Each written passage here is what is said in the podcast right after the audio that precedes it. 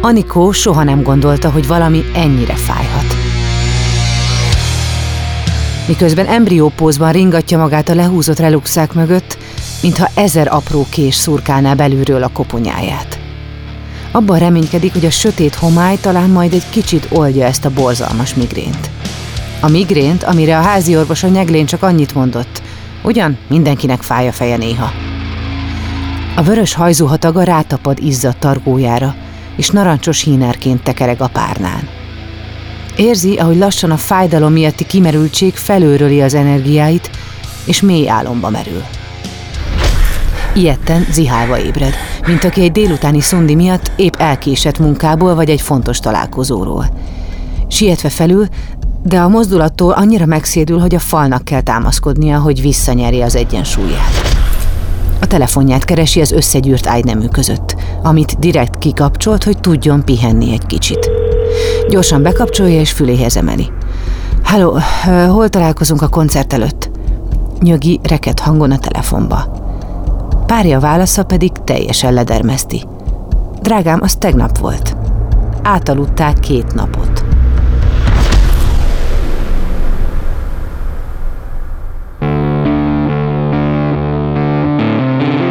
Lovas Rozi vagyok. Ez az Egyszer Lent. Egy podcast azokról, akiknek hatalmas pofont adott az élet. Megjárták a gödör mélyét, de sokkal erősebben másztak ki belőle. Ha azt gondolod, mindennek vége, jussanak eszedbe ezek a történetek. Mindig lehet jobb, ha te is akarod.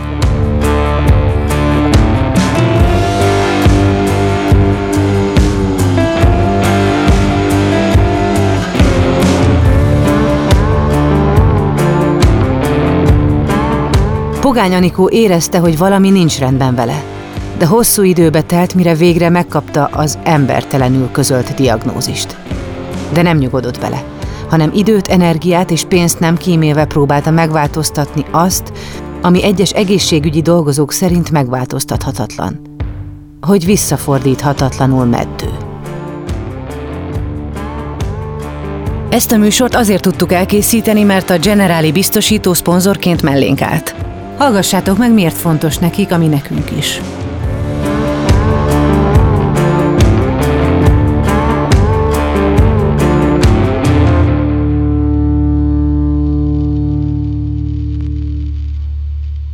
A leggyakrabban a semmiből jön az a bizonyos pofon, ami a padlóra küld. Elveszíted a munkád, a társad, vagy a saját egészséged mondja fel a szolgálatot. Ahányan vagyunk, annyiféleképpen vagyunk rosszul, és annyiféle támogatásra vágyunk.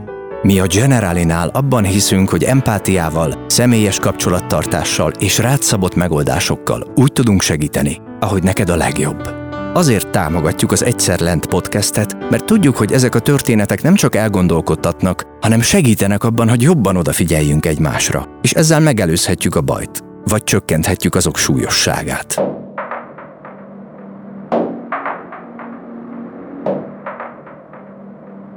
Anikó gyomorgörcselül a házi orvosnál. Visszhangzik benne, ahogy a fehérköpenyes férfi legutóbb elküldte, amikor kínzó migrénre és túl hirtelen felszedett kilókra panaszkodott. Fogjon le és vegyen be egy aspirint. Ezt elsőre elfogadta még akkor is, ha megszényelülve ment ki. Most a kétnapos alvás után viszont a doktor is vakarja a fejét. Lassan két ujjal pötyög a gépbe és hidegen mondja. Elküldöm egy vérvételre. A következő alkalommal Anikó már a labor eredményekkel a kezében kopogtat be. A körzeti orvos kis tanakodás után megnyugtatva közli, hogy a cukra ugyan magas, de amúgy minden rendben. A biztonság kedvéért felír egy gyógyszert.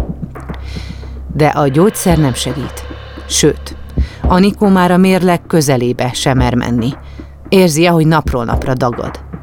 Endokrinológushoz fordul, ahol kiderül, hogy a pajzsmirigye extrém módon begyulladt. A készhez kapott eredménye a felső határérték 400-szorosa volt. Kavarogtak benne az érzések, amikor kilépett a rendelőből. Nagy kő esett le a szívéről, mert végre megtudta, mi a baja. Aztán belenyilal a bizonyosság, hogy akkor ezért nem jön össze a gyerek. Párjával még ugyan friss volt a kapcsolata, de már fél éve, szinte a kezdetektől próbálkoztak. Ezért megnyugodott, hiszen végre megtudta, mi a sikertelenség oka. Ha szerencséje lesz, akkor a most felírt gyógyszer hat majd. De ahogy a doktor magyarázta, Lutri kinél mi válik be. Nekem az első hatott. Úgyhogy ez így nagyon jó volt, hogy rögtön sikerült beletalálni, csak a, a mellékhatások nem voltak túl, túl fényesek, mert kisebesítette a bőröm, meg elkezdett csomóba hullani a hajam. Úgyhogy mondtam, de jó, még kopasz is leszek, tehát ez szerencsétlen.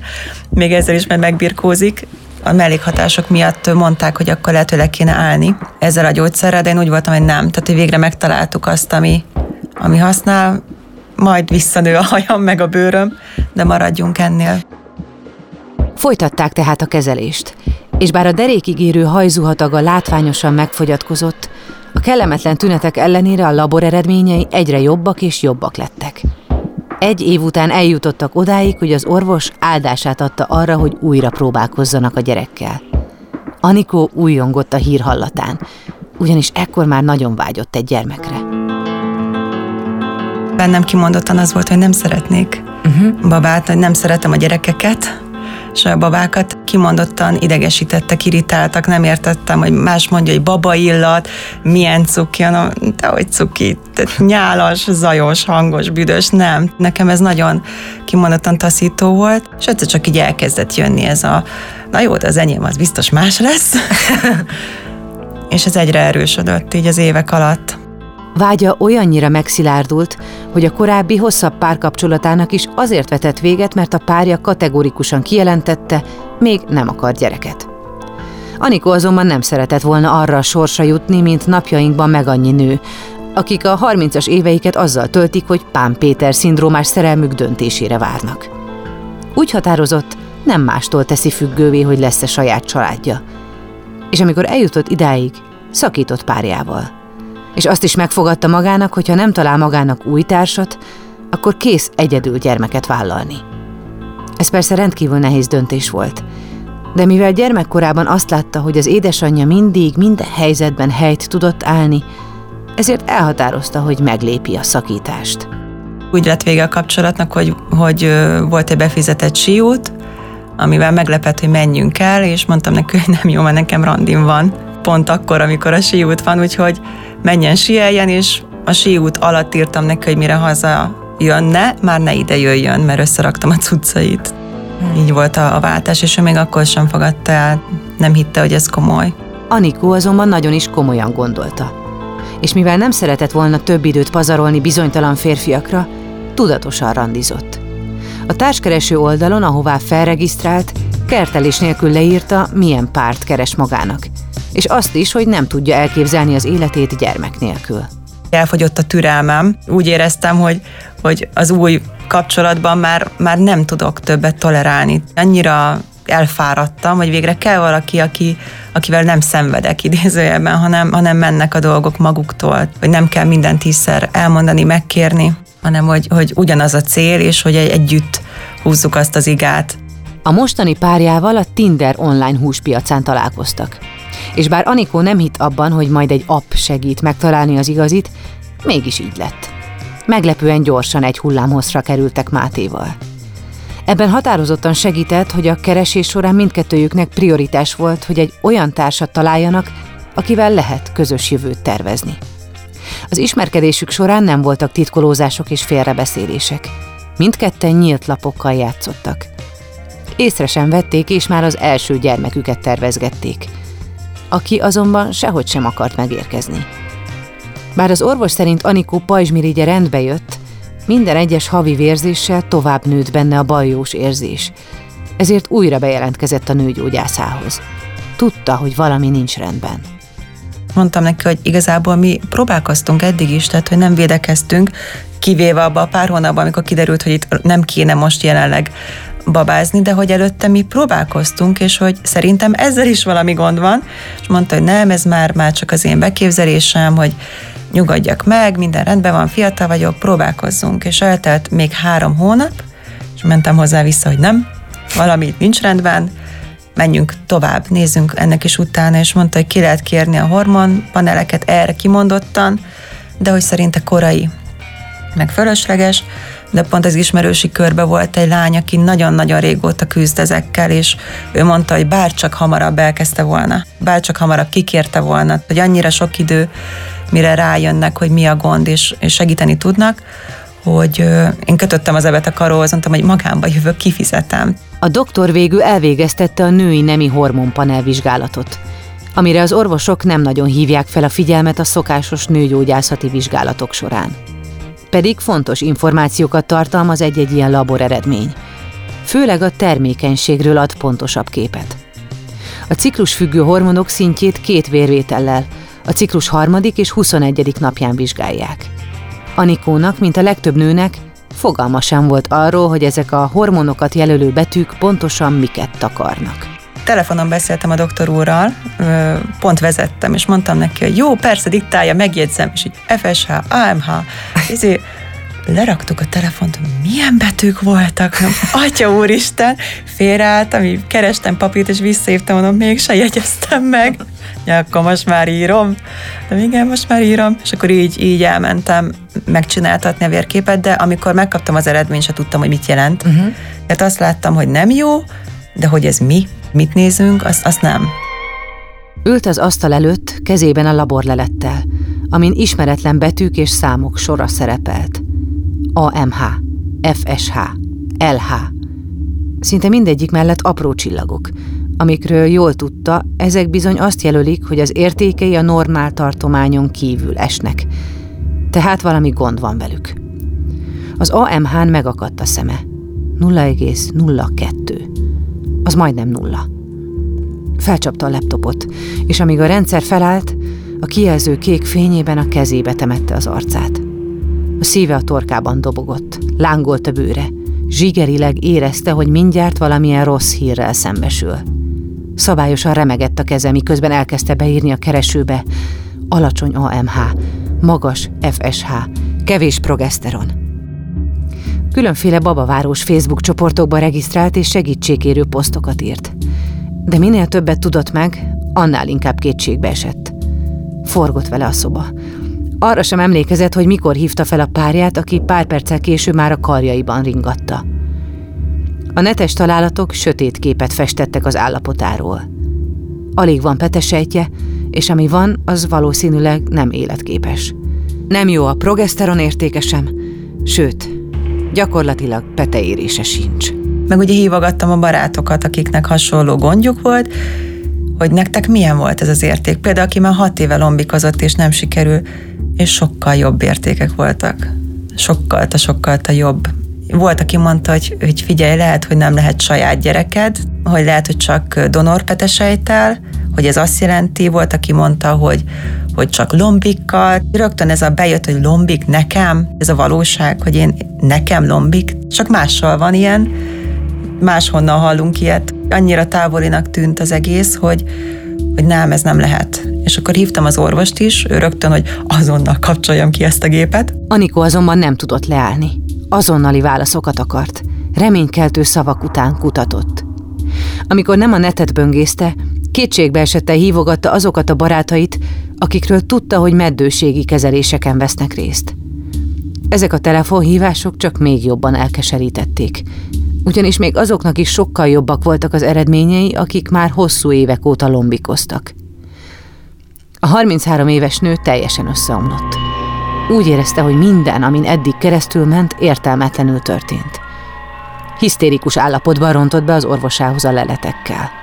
Oda mentem, kivártam a sort, így behívott akkor időpont nélkül, és ő teljesen másokat mondott. Tehát azt mondta, hogy ez egy, egy pillanatnyi érték volt, befolyásolhatta egy csomó minden, hogy ne ijedjek meg, majd nézzünk még egy vérképet, lehet, hogy laborhiba, tehát egy csomó minden, és akkor megnyugtatott valamennyire, néztünk még egy értéket, és rosszabb lett. Az OMH szintje tragikusan alacsony volt. Ez az érték mutatja meg, hogy egy nőnek még mennyi érés előtt álló, a megtermékenyítés lehetőségét magában hordozó petesejtje van. Ez lehetett a korábbi pajzsmirigy problémája miatt is, de befolyásolhatja a túlsúly vagy épp a kóros soványság, a dohányzás, az autoimmunbetegségek vagy a D-vitamin hiány is. Anikó joggal ilyet meg, hiszen más hormonjai is rosszul álltak. A vérében magas koncentrációban volt a tüszőérést elősegítő hormon, vagyis az FSH, amelynek az emelkedett szintje olyan betegségekre és állapotokra hívhatja fel a figyelmet, mint a klimax, az alacsony progeszteron szint, a policisztás ovárium szindróma, az inzulinrezisztencia vagy a Schmidt-szindróma. Alacsony AMH szint esetén a szakemberek többsége a különféle vitaminkészítmények szedését javasolja. A vitamin beépüléséhez sok idő kell, ezért azt javasolják Anikónak, addig is keressen fel egy meddőségi centrumot. A kezelések Magyarországon 2021 óta ugyan ingyenesek, viszont akár 3-6 hónapot is várni kell az első konzultációig. Anikó dolgát az is nehezítette, hogy a koronavírus ideje alatt próbálkozott, amikor csak telefonon lehetett beszélni az orvosokkal. De ezekre az időpontokra is előzetesen kellett bejelentkezni. Anikó idegesen simítgatja szoknyáját a térdén. Már vagy húszszor megszámolta rajta a redőket, miközben a másik kezével a mobilját babrálja. Elhatározta, hogy ma felhívja a meddőségi klinikát. Bejelentkezik, és kikönyörög egy mi hamarabbi telefonos konzultációt. De valahogy nehezére esik elindítani a hívást. Végül elszámol magában háromig, és lenyomja a zöld gombot. Csak cseng és cseng a telefon. Hosszú percekig hallgatja az idegörlő zenét. És már épp bontaná vonalat, amikor beleszól egy női hang. Anikó mély levegőt vesz, és belevág a mondandójába. És elmondtam az értékeket, és azt mondta, hogy jaj, jaj, állj, állj, akkor ki is húzza az időpontom, mert hogy 14 feletti FSH-val nem fogadnak senkit, gyakorlatilag visszafordíthatatlan meddő vagyok, én ezt nem tudom. Mit akarok itt lombikot? Mondom, mi vagyok? És mondta, hogy meddő, nem ad erre időpontot, tehát ezt, ezt fogadjam el. És így viszont hallásra, és így lerakta a telefont. Mondom, ezt nekem eddig senki nem mondta. Tudtam róla, hogy baj van, meg a barátok ugye riogattak, de hát most mindenki riogatja a másikat, meg ezek a Facebook csoportok, és akkor rá visszamentem megint a nőgyógyászhoz, hogy ezt a választ kaptam, és mondta, hogy közben ő is felvette a kapcsolatot a kollégákkal, és tudja. Uh, ő tudja, csak ezt nem akarta így a, elmondani még, mert hogy rosszabb ez a tudat, többet árt, mint, mint a valóság, és hogy nem kellett volna ezt még megtudjam. Anikó előtt elsötétül a világ. Úgy érzi, mintha folyamatosan zuhanna. Minden, amibe eddig kapaszkodott, kicsúszik a kezéből, és elnyeli egy feneketlen verem. Hisztérikusan járkál a lakásban, felváltva szitkozódik és sír. Fülében pedig ott csengenek az egészségügyi dolgozó érzéketlen szavai. Visszafordíthatatlanul meddő. Visszafordíthatatlanul meddő. Aztán az orvosa hívja, aki már egy kicsit enyhébben fogalmaz. Valóban rosszak az eredmények, és jelen pillanatban tényleg alig van esély egy babára, de fiatal még. Folytassa a vitaminkúrát, és keressen egy másik meddőségi klinikát, ahol emberi módon kommunikálnak vele. Mondta, hogy próbálják meg mást, más intézményt. Uh-huh. Lehet, hogy, hogy csak náluk van ez a határérték, hogy ők meg, megszabták ezt a 14-es számot, és hogy lehet, hogy máshol magasabb ez a szám, és hogy fogadnak. Meg a másik, hogy nem azért megyek oda, mert tök jó 14-es értékem van, hanem azért megyek oda, mert baj van, és szeretnék olyan értéket, és ehhez kellene egy kompetens orvos, aki ezt meg tudja velem együtt valósítani, nem pedig egy egy, egy diagnózis, vagy egy, nem is diagnózis, hanem egy ilyen leírás kellett volna, egy, egy kész, fogadd el, hogy visszafordíthatatlan meddő vagy, tehát ez is, hogy mondom, akkor most vissza lehet fordítani, vagy nem? Mert mondom, ezt közölték velem, és mondta, hogy ez egy bunkó volt. Ne foglalkozzak ezzel, hogy ezt mondta, ez egy jelenlegi érték, tehát mindig ebbe kapaszkodtak, hogy ez, ez a mostani rossz, de hogy ezen lehet változtatni. Hallgatva a nőgyógyászára, Anikó végül úgy döntött, hogy nem hajlandó elfogadni a számára elfogadhatatlant, és belevetette magát a kutatásba. Én elég makacs vagyok, meg, meg kitartó. Eleve, ha valamit a fejembe veszek, általában addig nem nyugszom, amíg, amíg nem sikerült. Volt egy ilyen saját kis motor, beépített motorom, ami hajtott, de összességében a, a kutatást, hogy mindig olvastam, hogy kinek hogy sikerült, nagyon sokat cseteltem, nagyon sokan írtak, amikor uh, még le kiposztoltam ezt a vérképet, hogy ez a, ez a helyzet, hogy ez mit jelent, akkor nagyon sokan írtak, akik hasonló cipőben voltak, és uh, egyrészt ezek a kapcsolatok is, bár sose találkoztunk meg, nem beszéltünk telefonon, mégis uh, úgy motiváltak, hogy neki ezt mondta az orvos, neki ezt mondta, hogy még mit nem próbáltam, folyamatosan bővült a paletta, és mindig így reményt adott. Hogyan tudta Anikó a legsötétebb napokon túllépve folytatni a küzdelmet azért, hogy gyereke lehessen? A rövid szünet után kiderül.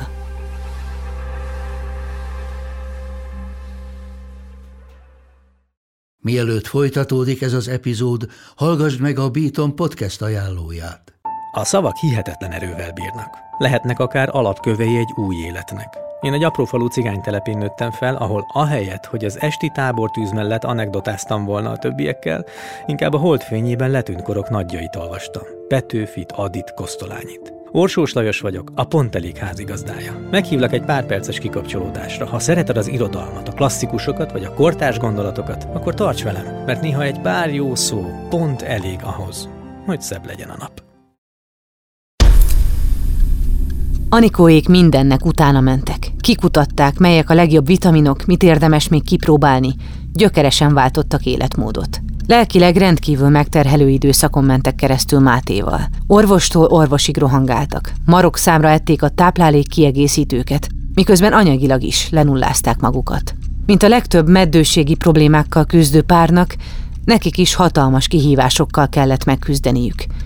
Így Anikó már arra is gondolt, hogy az lenne a leghumánusabb, ha elengedni a párját finoman szólva házi sárkány voltam a, a leletek után, a hiszti rohamok, a sírás. Én egyébként nem vagyok egy sírós lány, de amennyit én a kapcsolatunk elején sírtam, tényleg amit ő kapott belőlem, az így a, egy összefoglalt dózis az egész életemben a legrosszabb periódusról, és hát az ő szempontjából a legnehezebb időszak az volt, hogy amikor közölték velem, hogy meddő vagyok, és hogy, hogy lombik petesejtel sem, akkor én mondtam neki, hogy szakítsunk.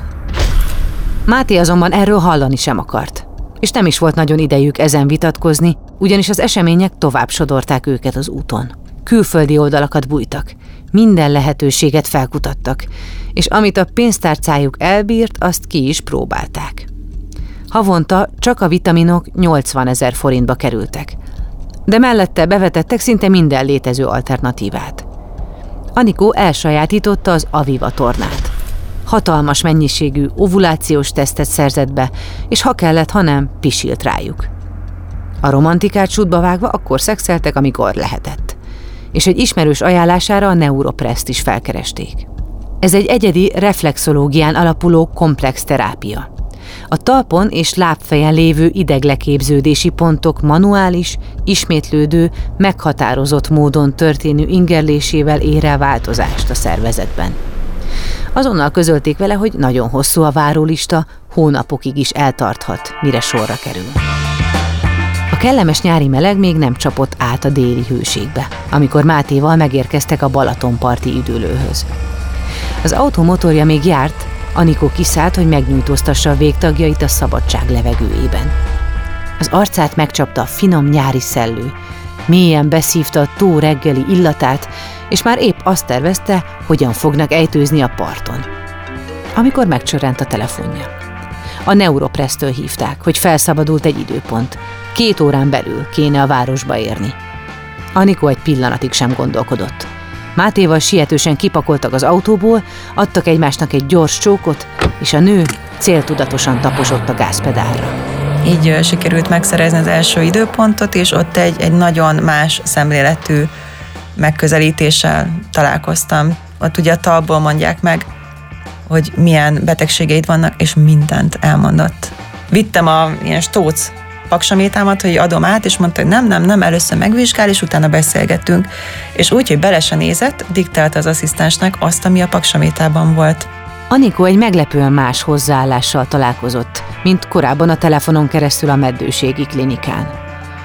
Ezen a helyen érezte először úgy, hogy holisztikusan közelítenek a problémájához, és nem csak a biológiai oldalát nézik a meddőségének. Egy csomó mindent elmondott, ami bennem volt, és mondom, atya ég, mondom, belém lát ez az ember, és ő, ő például azt mondta, hogy ez, ezek az értékek ugyanaz, mint a, a nőgyógyászom, hogy a jelen pillanat értékei, hogy ezek nagyon rossz értékek, de helyrehozhatóak. Egy három hónapot kér, hogy körülbelül annyi lesz, hogy helyrehozzon. És ez volt az első olyan, hogy, hogy nem, nem vagyok beteg, nem vagyok visszafordíthatatlan meddő, hanem hát most egy kicsit van itt egy gubanc, de megoldjuk. Ő teljesen ezzel a, a mentalitással így átformálta az egészet. És akkor úgy mentem már le a, a páromhoz, vissza a telekre, hogy, hogy mondom, megvan, a, megvan, megvan az emberünk. Minden jó három hónap múlva mondta, hogy most felejtsük el a babacsinálást teljesen, most erre ne fókuszáljunk, ne nézzem az ovulációt, ne, ne teszteljek semmire, ne figyeljek, érezem jól magam, és majd ő szól, amikor elkezdhetünk újra éles lövészetben babát gyártani. és ekközben már a másik klinikával is felvettük a kapcsolatot, oda meg a páromat is végre behívták, mert addig senki nem vizsgálta őt. Hogy mondjuk a férfi oldalról van-e bármi gond, azt nem nézték, mert lehetett volna ott is. Igen. És végre kaptunk spermatogramra időpontot, mert oda is nagyon hosszú volt a várakozási idő, és ugye ott még meg is szabják, hogy öt nap önmegtart, megtartóztatás kell, mielőtt mintát ad. És én lementem a telekre, és hát hétfőre volt az időpontja, és mondtam, hogy engem nem érdekel az időpontod, mondom, ez most olyan jó hír, meg minden, és hát kiderült, hogy a, az elszúrt időpontjából fogant a babánk. Ezt persze akkoriban még nem tudták. Mindeközben egy retteget petevezeték átjárhatósági vizsgálatot is elvégeztek rajta, és kiderült, hogy még egy dolog akadályozza a teherbeesését. Az egyik letapadt petevezetéke. Szerencsére műtét nélkül egy nagyobb adag kontraszt anyaggal sikerült az elzáródást feloldani. Így legalább már ez nem akadályozta a megtermékenyülést. Fogadták őket egy másik meddőségi klinikán is, ahol jóval pozitívabban álltak a nem túl fényes leletekhez.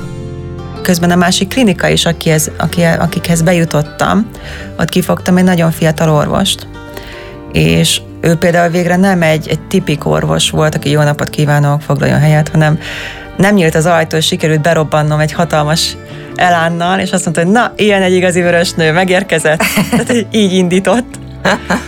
És elmondtam neki az egész történetet, hogy miken mentem keresztül, hogy hol, hol tartunk, és ő azt mondta, hogy jaj, az a másik klinika, az béna, végre ide jöttem a menőkhöz, majd ők, hogy mi sokkal jobbak vagyunk, és hogy, hogy rosszak az értékek, tehát ő is elmondta, hogy nagyon rosszak az értékek, de így mutatott a falra, hogy nézem meg ezeket a babákat. Rájuk is azt mondták, hogy, hogy, hogy nincs petesejt. Volt egy ilyen nagy fal, meg az asszisztens is kihívott, és a folyosón végigmutogatta a babákat, hogy majd ide kikerül a mi babánk is. Annyira más volt a, az emberség, meg a, a közeledés, hogy ö, ott is azt éreztem, hogy végre jó helyen vagyok. Mm. Meg ugye ők, ők kérdezték, hogy mi van a párommal, hogy hol vannak az ő leletei, és mondtam, hogy hát nincsen. Hogy miért nincs? Nem tudtuk, hogy 50-50? Mondom, nálam 100% defekt van, ne nézzük még azt, hogy lehet, hogy ott is van. Mondom, először hozzuk helyre ezt, és mondta, hogy nem, az ő oldalát is már régóta kellett volna nézni, mert hogy lehet, hogy, hogy ott is valami nincs rendben, és ők végre ugye adtak időpontot, amit elszúrtunk, az első időpontot, és a másodikra, amikor mentünk, akkor kértek tőlem egy újabb teljes hormonpanelt, egy vérképet, hogy nézzünk egy frisset. És mondták, hogy a ciklus harmadik napján kell majd mennem, és mentünk, és mondtam, hogy hát sajnálom, ne vegyék le a vért, mert nem jött meg. És akkor minek jöttem, meg hogy nem igaz felnőtt nő, hogy nem tudja kiszámolni, egy hány napos a ciklusa, Hát mondom, nem először borult fel most a gyógyszerek hatására. Volt egy 70 napos kimaradás egyszer.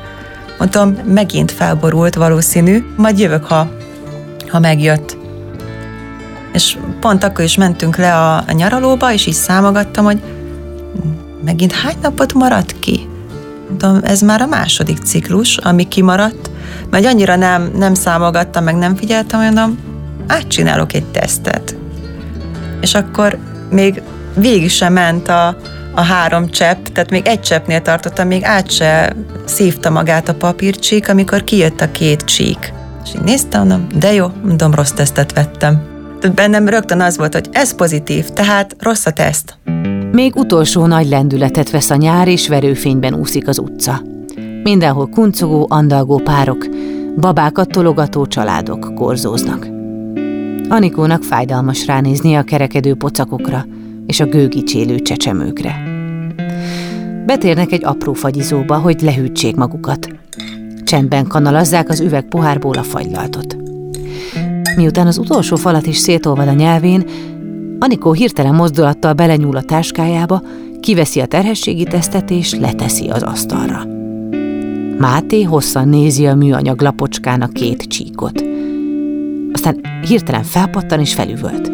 Atya úristen, ez igaz? Az egész fagyizó őket nézi. Anikó elveszi a tesztet, halkan szabadkozik, szerinte rossz ez a teszt, meg kell ismételni. De ekkor már a férfi a szomszédban lévő patika ajtajában kiabál, hogy vészhelyzet van, azonnal adjanak neki egy terhességi tesztet. Lélek szakadva, mint két óráról kilógott Tini, kéz a kézben rohannak haza, hogy leellenőrizzék, jót mutatott-e a korábbi teszt. A WC mellett kuporogva már együtt nézik lélegzet visszafolytva, ahogy egyre erőteljesebben megint megjelenik a két kis rózsaszín csík. Néztük a tesztet, mintha az lenne a baba, a párom rakta ide, meg oda, hova rakjuk? Nem abban van a baba. Tehát így, annyira így, így óvta, hogy most ezzel mi legyen. És akkor jött ez a dilemma, hogy most, most már kb. másnap nem látszik, már, mert tényleg így minden érzés így megváltozott, meg, meg hát az első reggel főleg úgy keltem, hogy úristen, teres vagyok. Hogy nem, most végre nem az volt az első gondolat, mint addig a hónapokon keresztül, hogy minden rossz, minden reménytelen. Ma, ma még mit nem próbáltam meg, hanem hogy úristen, lehet, hogy sikerült. És akkor meg még az volt a nagy nagy félsz, hogy ugye annyira alacsony volt a progeszteron, hogy hogy maradjon meg ez a terhesség. Ez a félelem bennem volt, és akkor a párom vigasztalt ezzel, hogy, hogy ez egy nagyon nagy eredmény. Végre van egy pozitív tesztünk, és hogy erre is azt mondták, hogy lehetetlen, hogy ez a teszt ez az orvosok szerint nem lehetséges, mert nincs betesetem, és itt van. Ne foglalkozzak azzal, hogy azt mondták, hogy nem tud megmaradni sem, mert hogy ne a, a rosszra összpontosítsak, mert hogyha esetleg el is menne ez a baba, akkor is akkor áttörés, hogy sikerült, hogy innentől ez azt jelenti, hogy sikerülhet. Rettentően fáradt. Úgy érzi, szabályosan szétszakad a teste, és annyira gyenge, hogy képtelen többet nyomni. Hol melege van, hol fázik, Máté nem tud jót mondani, vagy bármit is segíteni. Senkit nem akar maga körül, csak azt, hogy vége legyen. Még egyet, még egyet, már látom a fejét. Hallja a szülész hangját. Anikó görcsösen rámarkol a párja kezére, és utolsó erejével mindent belead. Majd egy apró baba nyöszörög a melkasán. Ő pedig könnyek között elneveti magát. Nagyon forrónak éreztem a babát ugye a testemre, így magamhoz fogtam, meg sírt, és ez a kb. egy olyan érzés volt, hogy úristen, sikerült, és a következő gondolat, hogy együnk valamit, hogy három napja nem ettem. És mondtam a pálnak, hogy hozz egy csokit. És amikor már így megettem a csokit, kicsit észhez tértem, és már ugye felöltöztették a babát, és visszahozták, akkor jött az, hogy úristen, de szép, és a miénk, hogy túl vagyunk ezen az egészen. És hogy minden egyéb mozzanat már a múlt. Anikó hosszú hónapokig nem merte elhinni, hogy valóban összejött az, amire azt mondták lehetetlen. Csak a 24. hét után kezdte el valóban magára engedni az érzést, hogy tényleg az ő gyermeke növekszik benne. A terhessége tele volt aggodalommal, a szülés pedig nem volt egyszerű. De túl minden viszontagságon, ma egy fél éves, egészséges gyermek édesanyja. Sőt, érkezik a kistesó, akit ugyan terveztek a szülők, de azt ők sem gondolták, hogy ilyen hamar újra teherbe esik a visszafordíthatatlanul meddő nő. Anikó esete sokaknak reményt adhat. Ugyanakkor fontos tudni, hogy az esélyeket, a teherbeesés lehetőségét számos tényező befolyásolja. Ő maga sem tudja, hogy a brutális mennyiségű vitamin, a petevezeték elzáródás feloldása, a pszichés elengedés, a pozitívabb orvosi hozzáállás vagy a neuropressz hozta meg az áttörést. Abban viszont biztos, hogy a szavaknak súlya van, és nem lehet valakit úgy kezelni, hogy figyelmen kívül hagyják a pszichés aspektusokat. A saját tapasztalata alapján pedig azt tanácsolja a meddőséggel küzdőknek, hogy amíg a nullánál egy kicsivel is nagyobb az esély, addig nem szabad feladni. Terveztem, hogy egy, egy piszkos pelenkát behajítok a kapun, vagy az ablakon, annak a klinikának, aki azt mondta, hogy visszafordíthatatlan meddő, de szívem szerint jó lett volna a nevét elkérni annak, aki, aki mondta, és felnyitni a szemét, hogy mit tesz, hogy nekem is mit okozott, de, de én túléptem azon, amit mondott, de rengetegen nem lépnek túl. És egy ilyen ártó mondat, vagy felelőtlen mondat, vagy neki épp rossz napja volt, és fáradt, és ezért volt ilyen, hogy ilyet nem lehet, főleg aki az egészségügyben dolgozik egy ilyen osztályon, az nem teheti meg, hogy ennyire lelketlen. Rossz hírt nem közlünk telefonban, pláne nem így, pláne nem úgy, hogy nem is biztos benne.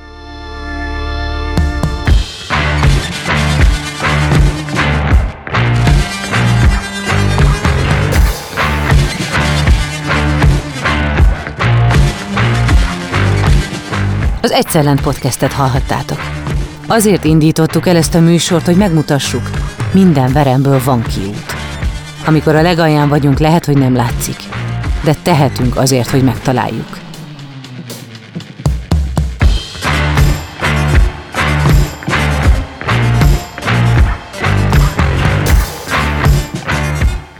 Az epizód szerkesztője Farkas Ellina, a főszerkesztő Neizer Anita, a szövegíró Horváth János Antal, a zene és utómunka szerkesztő Szűcs Dániel, a kreatív producer Román Balázs, a producer pedig Hampuk Rihárd volt.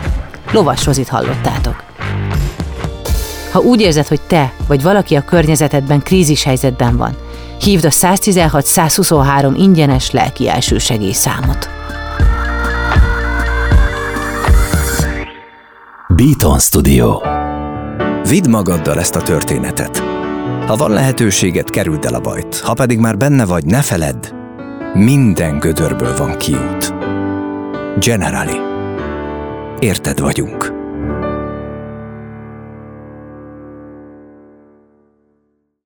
Ha más podcastekre is kíváncsi vagy, hallgassd meg a Béton műsor ajánlóját.